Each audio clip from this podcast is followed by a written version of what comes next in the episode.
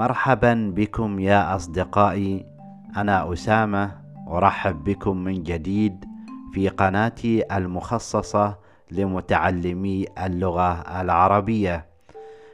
في الموسم الأول تحدثنا باللغة العربية الفصحى في ثمانية وعشرون حلقة والآن بدأنا الموسم الثاني. والذي سوف نركز فيه على التحدث باللغة العربية الدارجة أو العامية.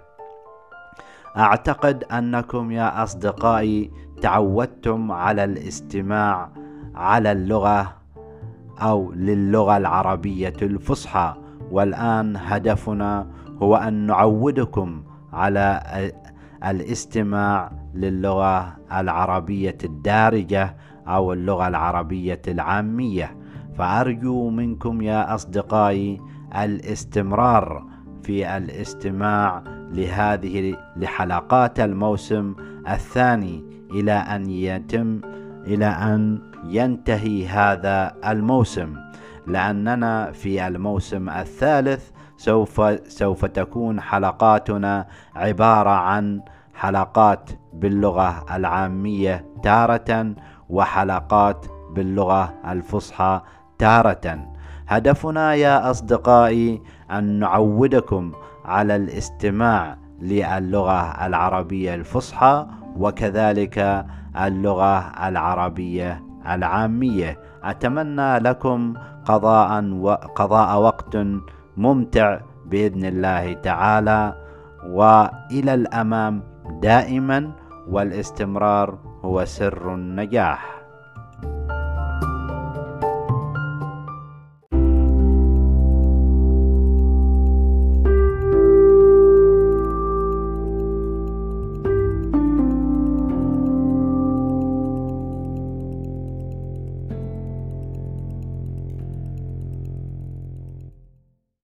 دكتور طبيب مهندس معلم. ممرض فني عامل أي شخص بعد ما يوصل سن معينة يبدأ في العمل يشتغل يعني ويحصل على وظيفة سواء كانت هذه الوظيفة في مؤسسة خاصة أو في مؤسسة حكومية المؤسسات الحكومية مثلا المستشفيات المدارس الوزارات الدوائر الحكومية في الشرطة في الجيش مثلا أو في مؤسسات خاصة مثل الشركات والمصانع. عموما الشخص لما يحصل على وظيفة ويبدأ في العمل في نهاية كل شهر يحصل على إيش؟ يحصل على راتب. طبعا نحن عندنا هنا في بلدنا آه النظام هو نظام الراتب الشهري. في بعض الدول طبعا عندهم نظام الراتب الأسبوعي. ولكن عندنا نظام الراتب الشهري. فكل موظف أو عامل يشتغل يحصل على الراتب الشهري. وهناك قانون ينظم آه، العمل يسموه قانون العمل. من ضمن الأشياء اللي آه، موجودة أن هذا الراتب اللي يستلمه الموظف في نهاية كل شهر ياخذوا منه جزء يستقطعوا منه جزء. هذا الجزء يوفر أو يسموه الاستقطاع التقاعدي. طيب الموظف في بعض المؤسسات يشتغل لمدة معينة إلى أن يصل إلى سن معين. لما يوصل إلى هذا السن يحق للموظف انه يترك العمل ويتقاعد. يصل إلى مرحلة التقاعد يسموه التقاعد. يعني يحق.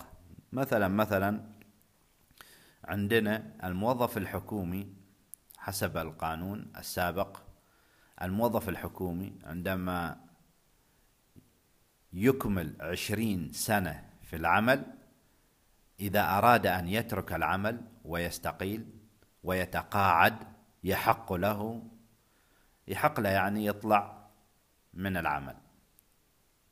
فلما يطلع من العمل يسمى متقاعد. فلما يصير متقاعد يعطى راتب. راتب يسموه راتب التقاعدي. راتب التقاعد. في بعض المؤسسات لا. لازم الموظف يشتغل ثلاثين سنة. طبعا في أغلب المؤسسات لما يصل لما يصل يصل الموظف إلى عمر ستين سنة يجبر على أن يترك العمل. لازم يترك العمل. خلاص لأنه وصل إلى سن كبيرة ولا بد أن يخرج حتى لو هو لا يريد. فهني عندك مسألتين عندك شيئين. في بعض الأشخاص يحبوا لما يكملوا مثلا عشرين سنة يخرج إلى التقاعد. يحب أنه يطلع من العمل ويتفرغ لحياته الشخصية ويتفرغ لعائلته مثلا أو يتفرغ لمشاريعه الخاصة. والبعض لا يحب أنه يكمل إلى أن يصل إلى سن الستين. لا يحب يعني ما يحب يطلع من العمل. ما يحب يطلع من العمل. في منهم ما يحبوا يطلعوا من العمل وفي منهم لا يحبوا يطلعوا من العمل. بذكر لكم يا أصدقاء موقف آه، طبعا نحن في عائلتنا أنا عندي أربعة إخوة. أربعة إخوة وأربعة أخوات. أربع أخوات وأربعة إخوة. الأخوة يعني الذكور الأخوات يعني الإناث. فواحدة من آه، أخواتي أكملت اثنين وعشرين سنة في العمل. واتصلت بي آه، قالت لي أريدك يعني أريدك في استش... أريد استشيرك أريد استشيرك في موضوع الاستشارة. الاستشارة يعني أنك تأخذ رأي الآخر. فأريد استشيرك في موضوع. نعم تفضل يا أختي ماذا تريدين؟ إيش تريدي؟ قالت لي أنا أفكر أني أترك العمل يعني أتقاعد لأن مسموح لي أن أخرج من العمل لأني كملت 22 سنة. فأنا أفكر أني أتقاعد.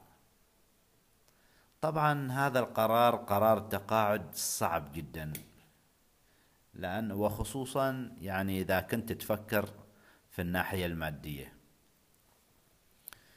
لأن الراتب التقاعدي ما نفس الراتب الشهري اللي تحصل عليه طبعا أقل يعطوك نسبة آه، معينة من الراتب. يعني ما نفس الراتب الأساسي. فبهذه الطريقة يعني فقالت لي يعني أريد أتقاعد وأفكر أني أتقاعد فإيش رأيك؟ أنا يعني قلت لها يعني أنت كيف وضعك المادي يعني؟ يعني هل مثلا إذا تركت العمل الوضع المادي عندك مستقر ما عليش ديون وهل بكفيش الراتب التقاعدي بكفي للبيت وللأولاد ولحياتك ما بعد التقاعد أو لا؟ قالت لي طبعا آه قالت لي نعم بكفي وطبعا ممكن يعني شوية يزيد بعد يكون يعني يكفي وزيادة نقول يكفي وزيادة. فقلت لها إذا كان وضعك المادي مناسب وتقدري تطلعي يعني تتقاعده وما يصير عليش مثلا آه، حمل أو أعباء مادية فأنا أشوف أن إنك تتقاعده أفضل لأن التقاعد مثل ما تعرفون يعني راحة نفسية التخلص من ضغوط العمل التفرغ للمنزل التفرغ للأولاد وفرصة أن الإنسان يستمتع بحياته الباقية. والعمل مثل ما يقولوا عندنا العمل ما يخلص. يعني العمل إذا تفكر فقط فقط في العمل العمل ما يخلص. ولازم الإنسان يوصل إلى مرحلة هذه المرحلة يعني يتوقف فيها عن العمل ويبدأ حياته الشخصية ويبدأ يستمتع في حياته الباقية. فخبرتها يعني انها أنا من رأيي إن يعني تتوقف عن العمل وهذا الرأي رأي شخصي يعني. وانت شوفي ظروفش وإذا حبيتي تطلعي طلعي وإذا حبيتي تستمري استمري. في النهايه الرأي والقرار الك نحن فقط يعني أعطيش راي طبعا هي قدمت آه، عبت استمارة. عبت يعني ملأت يعني كتبت استمارة للتقاعد. إيه، يسموها استمارة استقالة. وبعد ذلك تحال إلى التقاعد. بهذه الطريقة بهذه الطريقة طبعا هي آه، راح تنهي مشوار طويل في العمل آه، وبتتقاعد. آه، نفس الشيء في بعض الناس يحبوا لما يوصلوا إلى سن معين يتقاعدوا. وفي بعض الناس لا يحبوا أن يكملوا ويستمروا في العمل. أنا شخصيا حقيقة واضع برنامج أني لما أكمل خمسة وعشرين سنة من العمل أتقاعد. ولكن تم إصدار قانون جديد عندنا في البلد وهذا القانون يلزم الموظف أن يعمل لمدة ثلاثين سنة.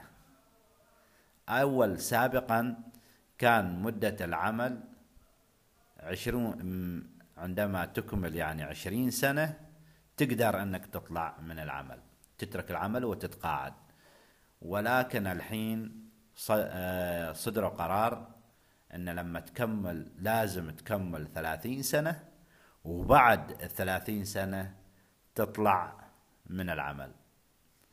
ففي بعض الأحيان الإنسان يجبر يجبر على أن آه، يتبع مسلك أو مسار معين. مجبور أنه يتبع مسار معين. مثلا أنت لما كنت تدرس في المدرسة كنت تتمنى أن تصبح مهندس.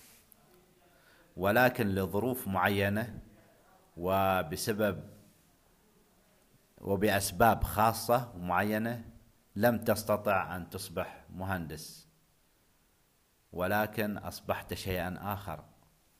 في بعض الأحيان تجبر على أن يعني تغير تفكيرك وتغير آه اتجاهاتك وأهدافك. فالإنسان بطبيعته يتكيف مع هذه الظروف والأحوال. أصدقائي الأعزاء اليوم هو السابع من شهر يناير عام 2021 أنا أسامة وموضوع حلقتنا اليوم كان بعنوان العمل والتقاعد. أتمنى أنكم آه، استفدتوا من هذه الحلقة. لا تنسوا الاشتراك يا أصدقائي في آه، في هذه القناة وكذلك لا تنسوا متابعتي على الانستغرام Arabic underline with underline أسامة. شكرا جزيلا يا أصدقاء وألتقي بكم في حلقة جديدة ومع السلامة.